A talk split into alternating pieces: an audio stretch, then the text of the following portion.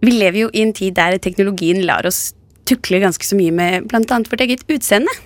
Og eh, Hanne Jacobsen fra forskning.no, jeg får jo begynne med å ønske deg velkommen. Tusen takk. Dere har bl.a. skrevet litt om noen eh, fancy kameraer. Som, som, kan gjøre hverdagen vår litt vakrere, om man kan si det sånn. Ja, det er jo, det er jo en mobilprodusent, Blackberry, eh, som lanserte nettopp sitt nye fantastiske kamera, hvor bildene du tar med det, gjør at alle smiler. Og hva er det teknologiske trikset? Det det gjør, da, er at det tar ikke bare ett bilde, men det tar en bitte liten filmsnutt på noen sekunder. Så ser du for deg da at du har et skolebilde sant, med 20 folk, og så er det alltid noen som nesten blunker. Så ser man litt tilbakestående ut. Og det du kan gjøre da, er at det kameraet plukker opp ansikter. Så den lager en liten sirkel rundt hvert ansikt, og så kan du spole frem og tilbake filmen til det punktet i filmen hvor de smiler penest. Og så kan du lagre den ene personen. Så gjør du det med alle de fem da, som ikke klarte å smile eller ikke klarte å ha øynene oppe på det bildet. Og vips, så har du en fiks ferdig, eh, perfekt skoleavslutningsbilde. Men man kan jo kanskje spørre seg selv da om det ikke er å tukle litt for mye med virkeligheten? da? Om, du, om ikke skjermen ligger litt i det at folk faktisk ikke smiler? Det er det jo ganske mange som påpeker. Blant annet er det en kommentator i The Atlantic, et amerikansk magasin, som har vært ganske krass i sin kritikk. For han mener jo at det genuine ved foto er jo nettopp at det er et øyeblikksbilde. Det er jo ikke en redigert versjon av virkeligheten, og hvis det var det man var ute etter, så gjorde man kanskje noe annet enn fotografi. Men altså, for all del, jeg har hatt øya lukka på nok av bilder til å vite at eh, det hadde ikke gjort meg noe, altså. Ja. Dette får fremtiden vise, for nå, dette kameraet har kommet for å bli. Ja, vi håper det. Det ser ut som at det blir eh, masseprodusert.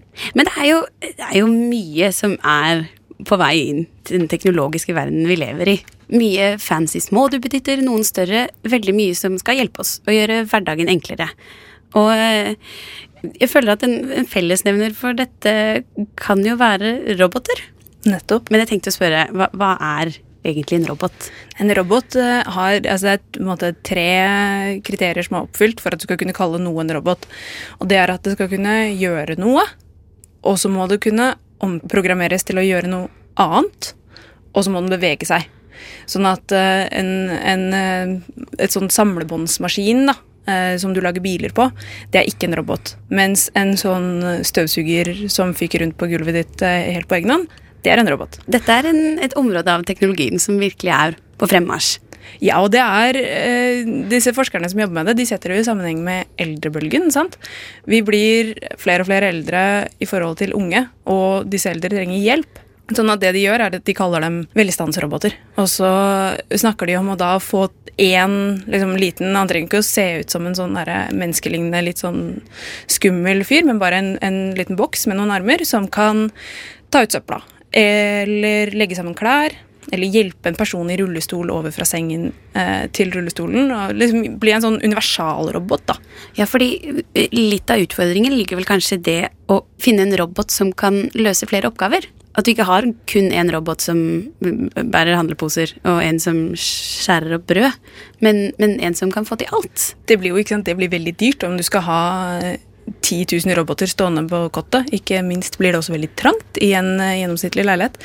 Sånn at de prøver stadig å kombinere flere og flere evner da, i én robot. En god grunn til å glede meg til min egen pensjonisttilværelse. Vi skal ikke gi slipp på deg helt enda, Hanne. Vi skal bare ta en titt på hva den nanoteknologiske fremtiden har å by på.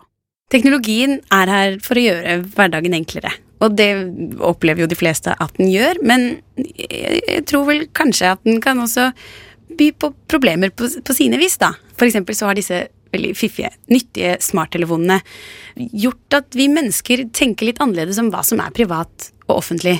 Og det har du fått tittet litt nærmere på, Hanne. Ja, det er eh, noen eh, forskere som har sett litt på hvordan eh, det å ha en smarttelefon, altså en telefon hvor du kan gjøre litt mer ting enn bare å ringe og sende SMS, påvirker hva vi ser på som, som min private sfære. Da. Og det de mener skjer, er at gitt at du har hele verden i hånda, så tror du at det er en slags privat boble rundt deg med den smarttelefonen. Fordi at du kan jo sjekke nettbanken din, og du kan jo gjøre alle mulige ting, og dermed får du også tydeligvis dårligere barrierer på hva som er greit å snakke om offentlig. altså. Ja, for, for resultatet er at man kan sitte på T-banen og høre en samtale som går i eh, gårsdagens eh, fyr som ble dratt med hjem til hun da. Som sitter Ja, ikke sant? siden. Og gjerne typ med fullt navn på han fyren, eller mødre som syns at det er utrolig fascinerende for alle som sitter på et felles spisested og hører om bæsjen til ungen deres. Altså det er vi har alle vært med på de der utrolig kleine trikk- eller kafésamtalene. Og det er akkurat de eh, sånne ting det ser ut som at folk med smarttelefon av en eller annen grunn får en senket terskel for.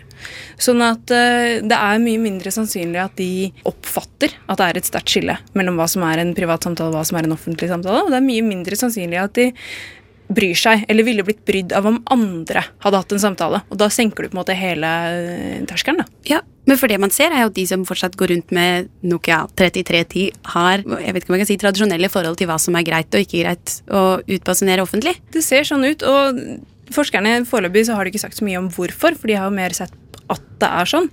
Eh, Det kan jo f.eks. hende at det er det at en spesiell type mennesker skaffer seg smarttelefon. sant? Det er folk som allerede er litt mer utadvendte og ikke har så store sperrer. Og det man kanskje må konkludere med, er at disse smarttelefonene har kommet for å bli.